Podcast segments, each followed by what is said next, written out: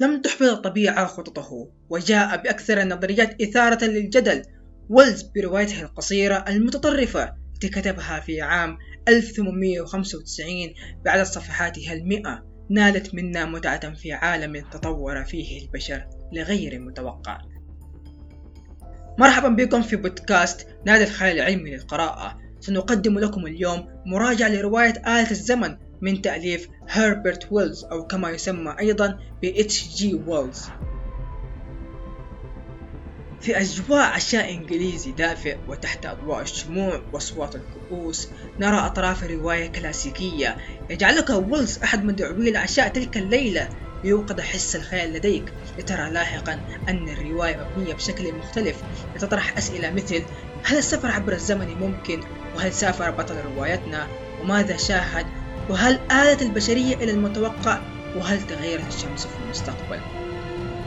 قدم لنا ويلز روايته القصيرة بلسان شخص مجهول الهوية يطلق عليه اسم المسافر عبر الزمن والمسافر عبر الزمن في هذه الرواية كالنسخة الرجولية من أليس في بلاد العجائب ممزوجا بذكاء هولمز أما للحاضرين في ذاك الوقت فهو كجحا آخر تبدأ الرواية عندما يحكي المسافر عبر الزمن مغامرته والتي خاضها عندما سافر إلى العام 800 ألف واثنان وسبعمية وعشرة بفعل آلته الغريبة المصنوعة من العاج وأحجاب بلورية شفافة. عندما انتقل إلى المستقبل صدم كما سيصدم القارئ تباعا أن المستقبل لا يبدو كما يتخيل. لا سيارات طائرة أو زوائد مفصلية أو أي تقدم تكنولوجي ملحوظ لكن حتما البشر متواجدين ويعيشون بشكل بدائي.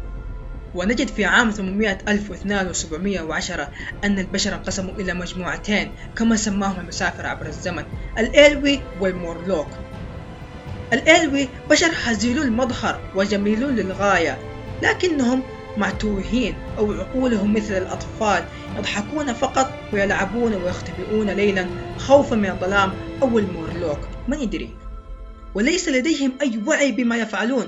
ويردف المسافر عبر الزمن أن سبب عتههم أو غبائهم هو عامل الراحة بحيث أن الألوي لا يجدون أي معاناة في طريقة عيشهم كما يقال بالعامية كل شيء جاهز لهم. بالتالي تغيب عنهم المشاكل والمعاناة التي تشكل الجوهر الأساسي لتقدم البشر وتحريك عصبوناتهم لحل تلك المعضلات الحياتية.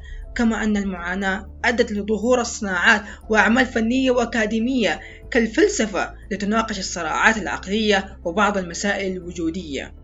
وهذه الأمور غائبة تماما عن الإلوي التي تعتبر معيشتهم تشبه الحيوانات الأليفة لحد كبير.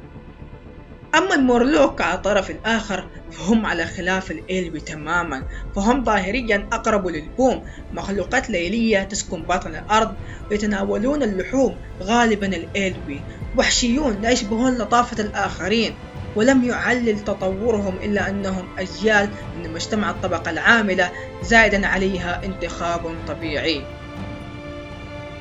الجميل في هذه الرواية هو وصف ويلز للأماكن والأحداث بشكل رائع وكيف أنه جعلنا نعيش الأحداث مع المسافر عبر الزمن وأيضا جعلنا نعيش التقلبات الإنسانية معه بين أن يكون إنسانا متحضر أو إنسان بدائي لينقذ نفسه. بالرغم من أن الرواية كتبت في عام 1895 إلا أنها تعتبر خطاب راديكالي متطرف أي خطاب سياسي يركز على تغيير البنى الاجتماعية باتباع أساليب ثورية. وأيضا قصة نوعا ما متعمقة بالزمن بحيث اعتبر الزمن كبعد الرابع قبل نسبية أينشتاين.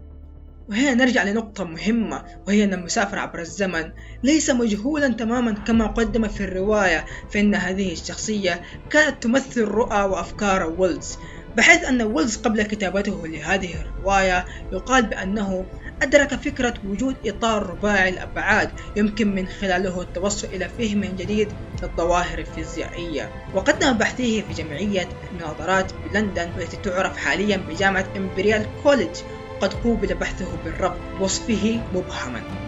لكن أمده هذا البحث بالأساس الذي بنى عليه هذه الرواية الرهيبة كما أن ويلز كان أيضا لديه معتقدات وأفكار سياسية يسارية وقد ظهرت هذه الأفكار والمعتقدات في الكثير من الأجزاء في الرواية.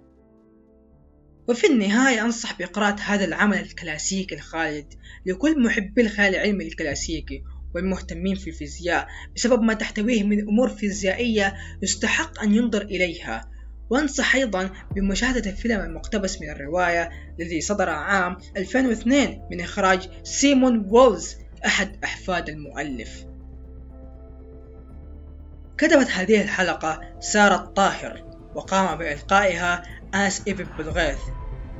ونود أن نشكركم على إعطائنا من وقتكم للاستماع لهذه الحلقة. وإن أعجبتكم الحلقة لا تنسون تضغطون على زر ال like وتشاركونها مع من تحبون وتقيمون البودكاست في منصات البودكاست المختلفة. وإذا كان لديكم نصائح للتحسين من البودكاست أو اقتراح لمواضيع تطرقوا لها ضعها لنا في التعليقات أو ارسلوها لنا على حسابنا في التويتر مجتمع الخيال العلمي العربي Arab Sci-Fi A R A B S C I F I. ونلقاكم إن شاء الله في حلقة قادمة وإلى اللقاء.